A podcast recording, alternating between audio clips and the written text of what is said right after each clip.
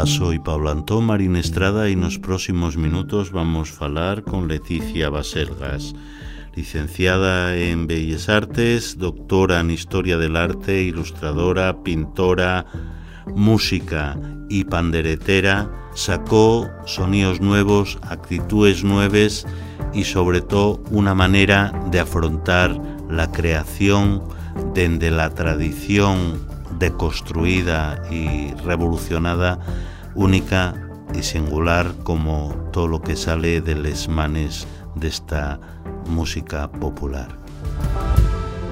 Nayuri, un espacio a Fallaizu para falar posao. Hola, muy buenas, Leti. Estamos aquí en Dayuri, bienvenida, bien llegada. Gracias y un placer estar aquí. Bueno, podemos entamar ahí, digamos, un poco ya complicado para luego ir acenciellando y, y asitiándonos en, en, terreno más a Fallaizu. Eh, si, si te entamare preguntando qué es para ti la tradición, o qué son las tradiciones, o qué es lo que entiendes tú por ese palabra tan mal soñado y tan viciado. Sí, sí, entamamos duro. A ver, y una palabra que ya para mí polisémica. Tiene muchos significados y ya, desde mi punto de vista, sobre todo en los últimos tiempos, parece que, que la tradición mmm, ya, pues bueno, entender un poco de, de dónde venimos, quién somos, cuál ya no es su patrimonio, pero mmm, desde la práctica, al final la tradición ya mmm, un poco entender un entender o, o dai unha nova forma a eso que heredamos dende el propio punto de vista de uno, de uno ¿no? Uh -huh. Bona definición, ¿no? Para un tema tan esvariadizo. Eh, en, si en este cacho de, del mundo donde, donde pisamos y tal, eh, esa, ese concepto tal tuvo muchísimas, dio muchísimas vueltas y seguramente cuando tú eres niña estaba en un punto donde, donde se había, digamos, como no sé si devaluado, pero sí de alguna manera eh, esfilado en, en algo que era, por ejemplo, lo que hacían los, los grupos tradicionales de, baile, eh, tanto en las ciudades como en, en, contextos más pequeños, en pueblos donde tenían, digamos, más, a lo mejor, más eh, vencello con, con, lo que era la, la, música popular o tal, ¿no? Eh, tú y es uno de esos casos de, de la típica niña que empezó ahí en un grupo de estos que la familia mandaba, pues para lo mejor, porque eres muy revoltosa y bueno, para que canalice esa energía, ¿no? ¿Cómo fue esa, sí. ese primer contacto de nenina con... Uh, a ver, tienes toda la razón, todo lo que estás contando, ya, ¿verdad? Entonces, eh, pues mi mamá preguntóme, pues el típico grupo un poco de actividad extraescolar, uh -huh. Entonces, eh, y era pues el año noventa y pocos, bueno, igual 90 por ahí, y, y, a nada, o sea, yo estaba, vallaba en aquel grupo, pero como quien podía estar haciendo cualquier otro tipo de actividad física, o sea, no tenía mayor profundidad o el concepto para mí no tenía todavía pues, relevancia, ¿no? Tuvieron que pasar muchos años hasta que yo tuviera que darme cuenta, pues, cómo entendía yo esto de la tradición o, o, o, o cómo justificaba yo esa práctica o, cómo, bueno, pues cómo era capaz yo de, de entenderlo, ¿no? Pero pasaron años y años. Porque tú naciste en una ciudad en Xixón, aunque la tu familia tiene los, los raigaños, digamos, en, en, en, el, en la aldea mm. y, y, vamos, en la zona donde Anguaño vives, ¿no? Mm. Eh, pero vamos, tú y eres, digamos, es la típica niña urbana de, de sí, los sí. 90. De, bueno, a ver. O sea, con, como se puede entender en Asturias sí, ese concepto. Sí, y mucha gente de la mi generación pasa igual. Teníamos eso, ese concepto que ya el pueblo, -huh. entonces íbamos todos los fines de semana, vacaciones, ya. Para mí era un poco traumático, no voy a decir lo contrario, porque pasar todo el verano allí, puff, y una aldea muy pequeña, Baselas, donde, donde Anguaño vivimos. Entonces, bueno, sí, voy a decir que ella era urbana, pero también tenía una parte muy rural y ya toda la, toda la mi conciencia o, to, o toda la mi forma de ser, yo creo que delimitóse mucho por esa parte rural, más que por la, por la urbanita. ¿eh? Como más peso, digamos. O... Sí.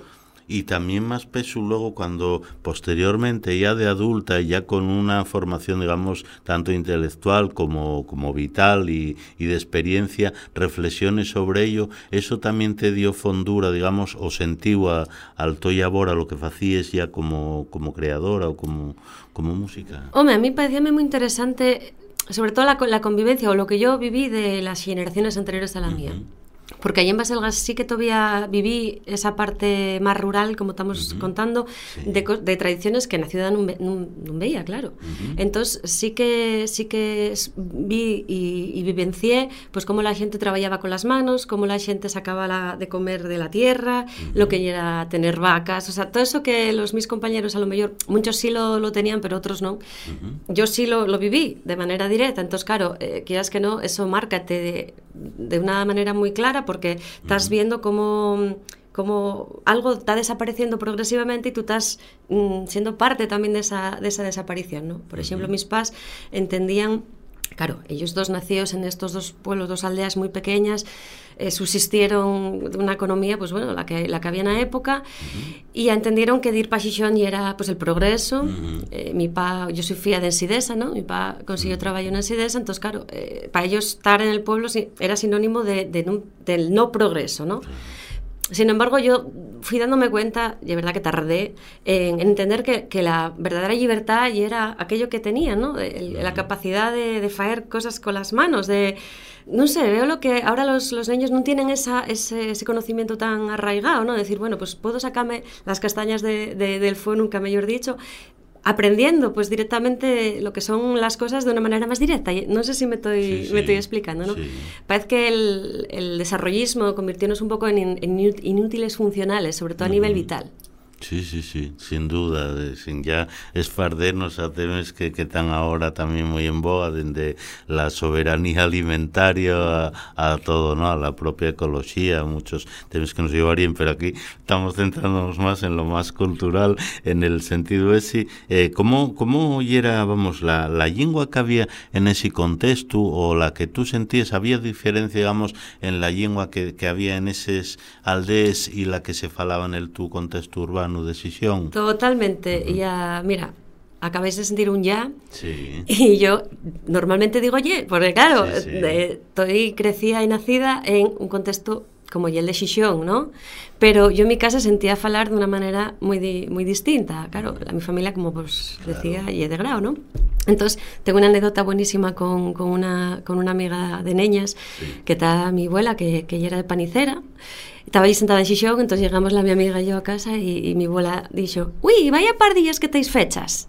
Entonces, mírame la mi amiga en plan, acaba de llamarme pardilla tu abuela y yo no vaya par de ellas que estamos hechas tuve que traducirlo al castellano para que lo entendiera y sí, sí, claramente yo soy fía de eso de hecho ese contraste a mí.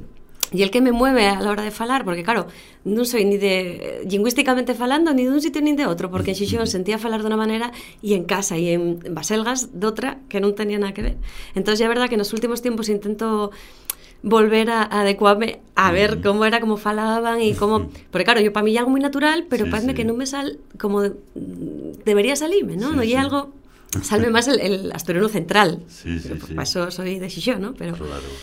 Pero bueno, sí, hay que intentarlo porque diome mucha pena cuando morrió la, la, el último eslabón, por decirlo así, de, de, esta lingua en el sí. contexto, que fue la, una tía de mi mamá, uh -huh. que siempre decía, ¿qué es eso? ¿Qué Entonces, uh -huh. a mí, dábame cosa, yo cuando morrió aquella mujer, yo, madre, ya, ya la última que va a poder falar así. Uh -huh. Entonces, a, los, a mi pa y a mi mamá, que son falantes naturales de, sí. de esa forma de falar, siempre les digo que por Dios al mi fío y falen así porque ya lo claro. único que no van a poder, que él no va a poder comprar. Claro, claro.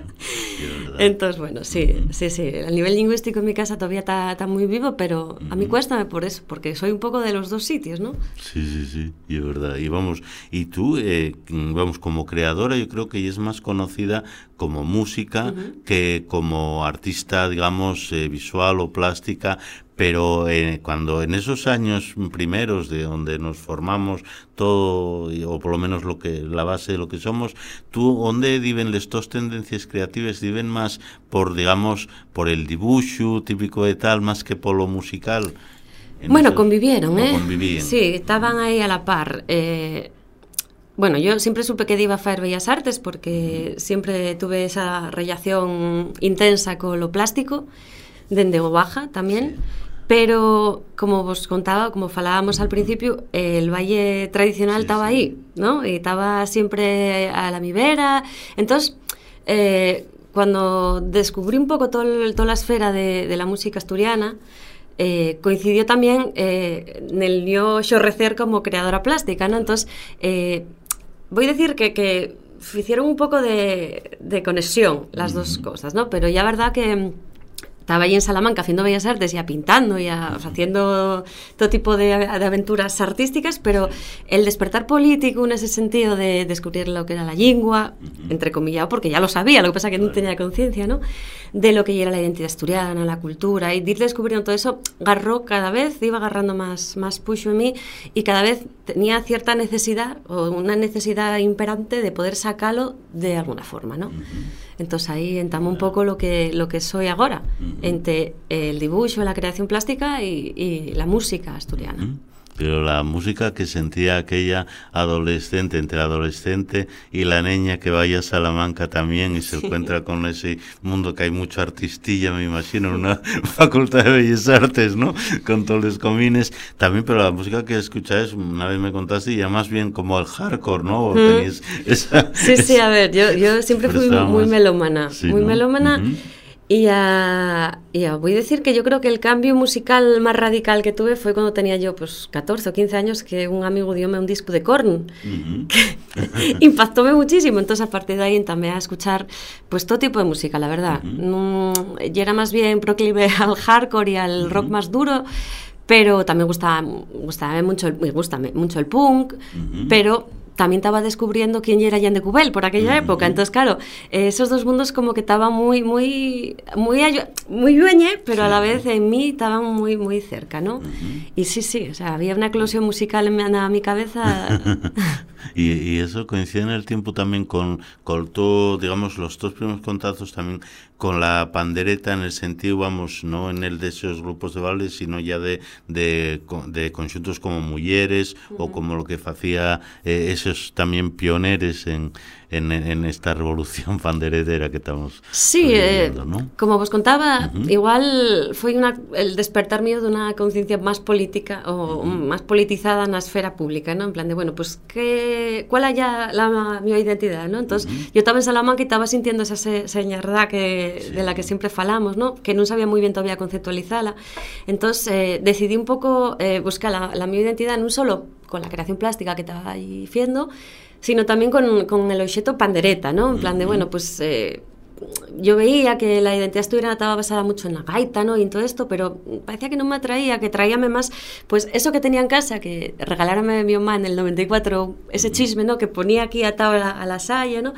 Y que en el grupo folclórico solo trocaba la, la mujer que nos enseñaba. Uh -huh. Para mí era sinónimo de poder. Sí, sí. A pesar de que yo, en el contexto en el que vivía, pues parecía que estábamos siempre como en un segundo plano, uh -huh. por algún motivo que desconocía, ¿no? Sí. Entonces decidí... Eh, pues eh, subjetivame, por decirlo de alguna manera, o resignificame dende la, la pandereta y la imaxe de la panderetera. E a partir de aí, pues, empecé a traballar a nivel conceptual e a nivel tamén práctico, porque é verdad que eh, non solo acabé pues, en un grupo como Mulleres, tamén tuve en grupos de investigación etnográfica que llamábamos, e entón, bueno, pues aí sí que é verdad que eh, eh, tamén dai vueltas a, pues eso, al, al, mundo de la pandereta y a la imagen de la panderetera sobre todo.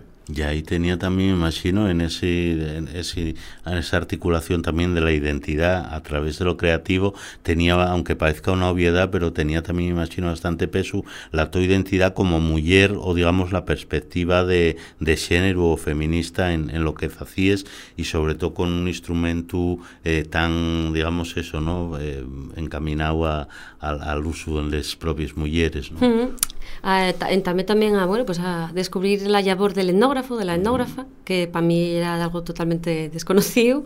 Entonces, bueno, pues a vereme a, a estos grupos de xente que, que conocía o que, o que arrimabase al origen, a lo que sí. nosotros entendíamos como el orixe de la identidade asturiana, ¿no? Entonces, a mí parecíame que que bueno, que tocar la pandereta era importante para mí porque eh, definíame como persona, como, uh -huh. lo que, como lo que yo era, ¿no? Más bien dentro de una comunidad, de una uh -huh. comunidad del sentimiento común, de decir, sí. ay, qué asturianos somos, qué, qué, qué tradilla todo esto. Pero tardé poco, ¿eh? Tardé poco en dar la vuelta a todo esto, porque al principio para mí era, pues eso, eh, tocar eh, de folixa, eh, estar en, en, con outra xente, pero enseguida también a pensar en, en cuál era el rol de la panderetera, ¿no? Cómo tenía que tocar, cuáles eran las normas que tenía que, por, por, entre comillas lo de normas, sí. ¿no? cómo tenía que ponerme, cuál era la actitud. Entonces, ese cambio, las letras también de las canciones que cantábamos, que era lírica popular, básicamente, ¿no? Entonces, ah, allá por el 2010 entamada hay un poco la, la vuelta a la tortilla, ¿no? Entonces, puse un poco en duda la sacralización de la pandereta, uh -huh. que había vivido yo, pues sí, eso, sí. pocos años antes, ¿no? Entonces ahí yo creo que ya arranca todo el universo de, de Leticia Baselgas, sí, por decirlo de alguna manera. E que podemos falar aí de casi de deconstrucción de, de, de, de esos roles, de esa tradición e tal, en el tu caso. Sí, sí, sí eh, ¿no? totalmente. A mí marcábame, o sea, mancábame, mancábame, mira, y é unha buena palabra, sí, sí. el fecho de, de estar siempre, que la pandereta tuviera siempre vencellada, por ejemplo, al, al traje asturiano, mm. ¿no? Entonces, eh, pff, empecé como a, a, intentar decir, quiero sacar la, la pandereta de, un, de este contexto tan encorsetado, ¿no? Uh -huh. Por que sempre tengo que tocar con más xente, non podo tocar yo sola, moi pocas veces, porque tengo que tocar sempre para pa un grupo de baile, uh -huh. por que non podo sacar a pandereta a outros sitios. Entón, eu creo que foi polo año 2012 ou 13 que estaba eu tamén fiendo a tesis doctoral uh -huh. e llántame a, a, a, buscar outras salidas. Non? Entón, eh, sí que fice grabaciones con xente que facía pop o, uh -huh. o rock máis indie e tal, que querían pues, percusión, eh, os ritmos asturianos dentro de los seus traballos. Uh -huh. Entón, poquitín a poquitín yo iba pensando, bueno, ¿por qué tengo que cantar yo estas letras? ¿Por qué tengo que cantar? Dicen que los moros no tienen mujer y el que menos tiene... Bueno, ya sabéis, ¿no? Entonces, eh, también puselo en duda. Puselo en duda porque parecíame que estaba demasiado... Pesábame mucho esa palabra tradición. Lo que en un momento fue liberador, sí, sí. en otro momento de mi vida, unos años más tarde, pesábame. Entonces uh -huh. quería deconstruirlo, quería decir, bueno, ¿por qué tenemos que seguir manteniendo, sobre todo en cuestiones de actitud, uh -huh. para con el instrumento sí, sí. y ya para con la música? Yo creo que dime cuenta más bien tarde de lo que lo que yo estaba haciendo era música, porque hasta uh -huh. entonces no me daba cuenta tanto. Claro. Pesaba más la, la etnografía sí, per se que el propio hecho de estar haciendo música. Uh -huh. Y entonces, al, al, darme cuenta de eso, pues tuve que deconstruirme eh, clarísimamente porque si no quedaba ahí como encorsetada, ¿no? Como encerrada en un museo uh -huh. y no me apetecía. Entonces, sí, sí, una deconstrucción. Fue una y ahí abrías el camino también a la propia posibilidad de crear también sobre, o sea, con esos eh, herramientas, pero la, cosas nuevas, ¿no? Como les que faes ahora con el R, porque mm. Todavía no llegamos ahí. Sí, sí, sí. ¿Cómo, eh... ¿Cómo viste ese camino abierto también de la propia expresión tuya eh, como, como mm. artista, como, como mm. incluso eso, las letras? Pasé por muchas fases, porque tenía y tengo un amigo que estaba haciendo una, una tesis sobre, yendo musicólogo, sí. entonces estaba haciendo una tesis eh, con esto también. Entonces pasaba por muchas fases, pasaba por el rollo de no, esto hay que hacer, eh, en la tradición soy un, un, catalizador, yo abro la boca y la muñeira sale sola. Pasé de eso a decir, no, porque no puedo yo escribir las mías propias muñeiras, o sea, fue como un antes y un después, ¿no? Eh, y, y, sí, sobre todo, dime cuenta de, de lo que os decía, de, de, sacralizar el fecho de la pandereta, ¿no? que para mí era como una especie de diosa uh -huh. que tenía que ser la pureza, o tenía que significar la pureza o, o la verdad, uh -huh. ¿no? Pero dime cuenta que la verdad ya es relativa, que no existe nada que sea cerrado, que, que todo ya abierto y que realmente eh, ese instrumento ya una herramienta para poder, eh, que era lo que entendían también aquellas mujeres, ¿no? De, para poder expresarme y para poder contar eh, las mis propias vivencias. Tardé muchísimo ¿eh? en darme cuenta de esto y, y, bueno, ya, como os digo, ya la mi historia, hay mucha gente que tiene otras muy, muy diferentes, ¿no? Pero, pero sí, bueno, a ver, el, el hecho de dar este paso también ayudó que, que allá por el año 2015 topéme con, con Rubén uh -huh. y a, bueno, pues contando un poco todas estas inquietudes que teníamos pues muchísimas conversaciones en casa con la sidra, con la botella de vino allí, uh -huh. pues él, claro, tenía otra perspectiva totalmente distinta como, como músico folk uh -huh. que, que, que sí. era, ¿no? Entonces, claro, a mí está llevándome la cabeza y las discusiones eran encarnizadísimas. Pero ayudóme muchísimo porque eh, abrióme mucho la mente y descubrí, eh, pues no solo la música asturiana eh, per se, uh -huh. también el propio proceso de la creación de la música asturiana, cosa que uh -huh. hasta entonces no me había planteado. Y también, digamos, lo que podía dar de sí un encuentro así, en principio casi compuesto como reto lúdico, ¿no? Decir, a ver cómo furrula esto y tal el, el xuntar, por ejemplo, pues eso, lo que ese, todas esas inquietudes que tú ya tenías mm. y esa herramienta como la pandereta con Rubén y la su guitarra, ahí salieron y también esos eh, raigaños del rock and roll clásico de claro, Rapaz, claro. toda esa mecigalla, ¿cómo, ¿cómo fue eso? Me imagino claro. que tuvo mucho también de espontáneo y de, y de, de ir sobre la marcha creando o, o experimentando, como mm. se falla a veces. Claro, de primera mano, Rubén y yo teníamos en común pues la música asturiana, ya nos conocíamos de, del contexto, de, de, la esfera de la música asturiana, pero también teníamos a nivel musical, los dos menómanos total, pues muchos grupos en común o muchos gustos en común, pues desde el blues más antiguo, pasando por el rockabilly, que a Rubén encantaba, y, y a un poco también el punk, ¿no? Somos punk rockers de corazón lo, los dos, entonces pues falábamos mucho de, de, sobre todo el concepto tradición, que, que non acabábamos de, de estar a gusto con él o, o de entenderlo tal y como creían o nos estaban enseñando a entenderlo, ¿no? Entonces, eh, siempre lo contamos, que estábamos ahí en casa en una de estas eh, debates sobre qué es tradicional, que no. Y, y acuérdame que una de las cuestiones que siempre falábamos o que, o que siempre me contaba Rubén y era que la música de los pueblos, la música que sale de, de, la tierra, va muy al ritmo, muy a la par del ritmo vital de, de la propia tierra, ¿no? Entonces, eh, estábamos ahí inmersos en esa conversación, entonces dice, Yaras, tú toca una muñeira, ¿no? Y teníamos ahí, tenía ahí la pandereta, sí. entonces empezó a tocar la muñeira y él tocó blues por arriba uh -huh. con el sleigh. Sí. Y ahí fue donde, en plan de, ¿ves? ¿Ves? Te lo estaba diciendo. Estoy tocando blues, que ya una música también tradicional, y tú estás tocando por arriba este ritmo con una pandereta que tú piensas que es solo música asturiana, y no, o sea, la música ya es música. Uh -huh. Entonces yo creo que ahí fue, pum, después llegó. Y ahí fue donde creamos pues ese término de post-folk y no sé qué. y, a partir de ahí topa adelante, porque yo creo que fue un, un despertar creativo importante, pero también un un, una ruptura con, con, antiguas creencias que yo pienso que eran sí. como muy limitantes para mí, ¿no? Y, y, a partir de ahí, bueno, pues un poco un, lo que la gente ya está viendo.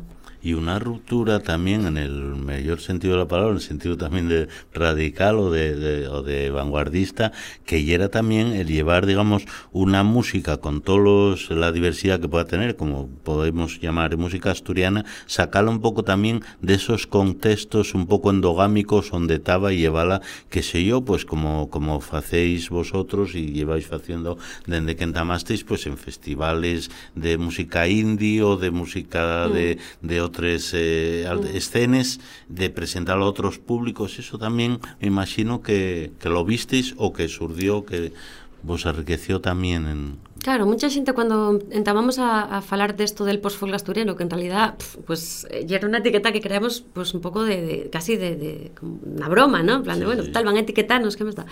Pero, desde mi punto de vista, yo, eh, con, con esto del post-folk, que mucha xente entiende lo como una ruptura, para mí, y para Rubén, yo creo que también, non é unha ruptura como tal. La fecha, yo entiendo desde un punto de vista artístico, ¿no? Como la sí, sí. post-vanguardia artística, sí, realmente sí. lo que hizo foi entender la vanguardia anterior, ¿no?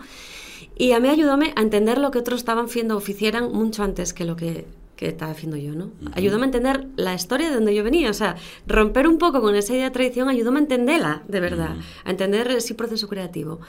Entonces, eh, eh, por esa parte, eh, parecíame como, no rupturista, sino una cosa casi natural, en plan de, bueno, nosotros somos dos personas del siglo XXI, con X gustos musicales que compartimos o no. Los dos venimos de contextos de la música asturiana, eh, los dos queremos eh, pues experimentar, contar a nuestra propia historia a través de esto, pues vamos para adelante.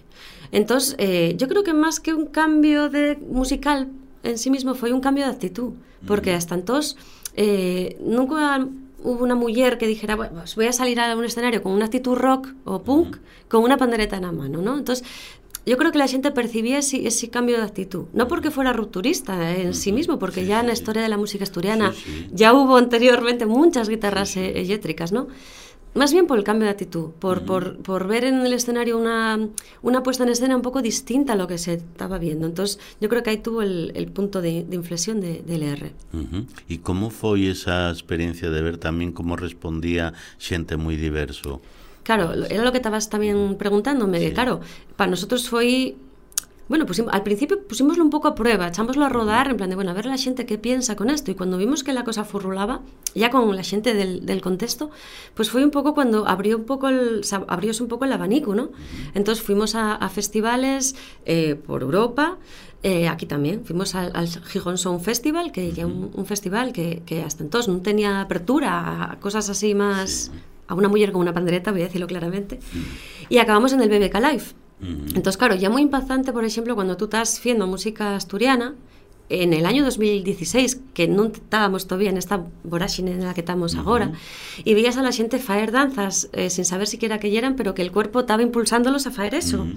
Y y, era muy emocionante, sobre todo yo que sé, allí en Inglaterra que veías en plan de, bueno, esto la gente no puede entenderlo, pues entendíanlo, precisamente porque ya música que, que ya del pueblo, Sí, sal de dentro, entonces da igual que tú estés entendiendo que, que la música asturiana o, o que la tradición asturiana, da igual, tú estás sintiendo un ritmo que te fae bailar. Y para nosotros eso era lo más importante. Y ya lo que, lo que seguimos viendo, que vayamos o vayamos, la gente sigue sintiéndolo, sin- siéntelo, y una cuestión física ya casi y emocional.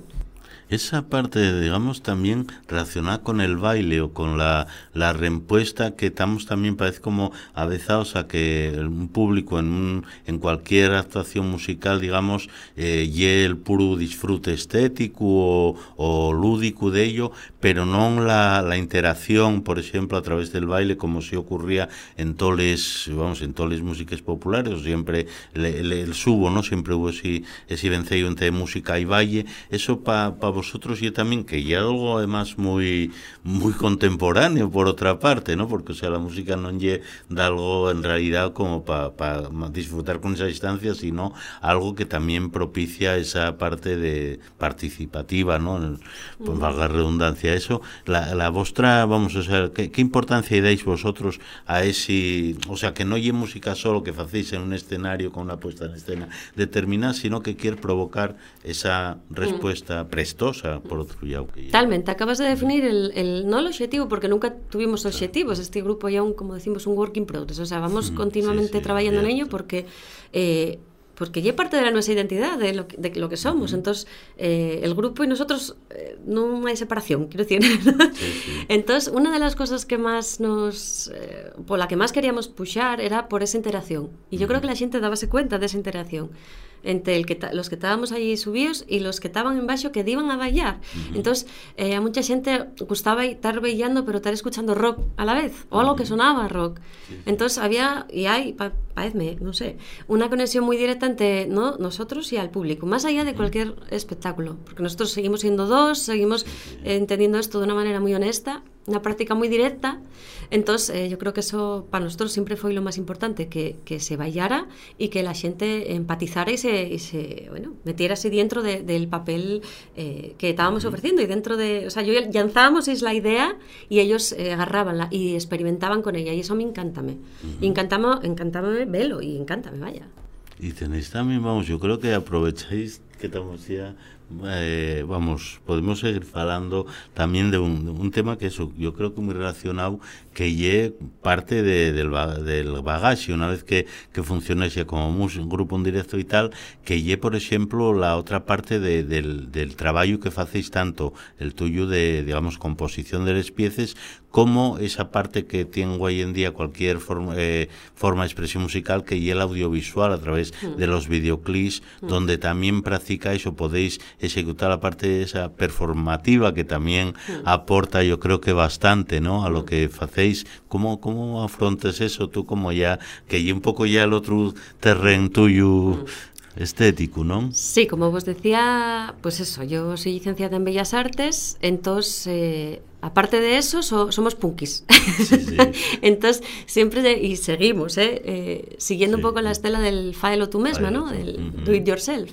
Entonces, eh, sí, desde el principio, mm, bueno, pues sí, mesturamos mucho esa parte creativa mía y sobre todo en los últimos tiempos más, ¿no?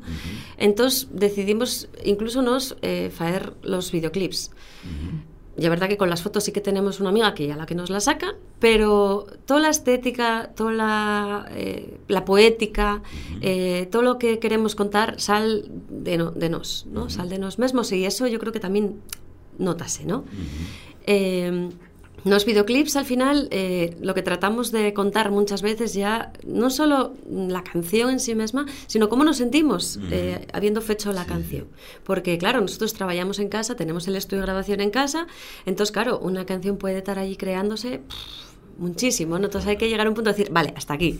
Entonces todo ese proceso, al final, eh, yo como creadora plástica que soy también, gustame desarrollarlo de una manera paralela, non solo escribiendo, pues, yo que sé, unha letra, sino tamén, pues, yo que sé, faigo muchos dibuxos, eh, tamén a la hora de, de faer los videoclips, pues, eh, que tipo de imaxen queremos ofrecer, pues, estoy un pouco máis eh, gótico, no, máis barroco, pues, entonces vamos a tener esta luz máis barroca.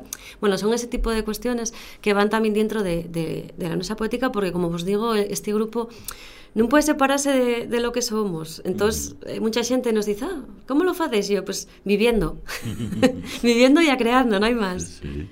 Bona, o sea, yo creo que bona, bona práctica para cualquier artista, creador, y, y el futuro existe o en eso y es ahí como los funks más, más clásicos del no future.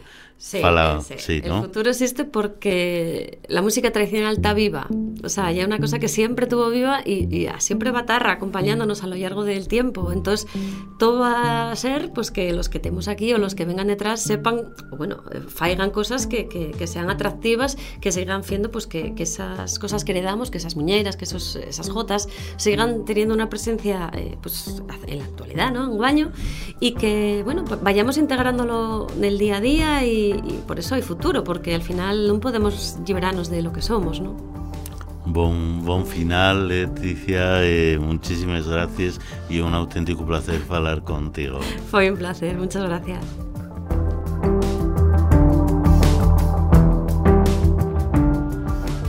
Nayuri, un espacio a Fallaizu para falar posao.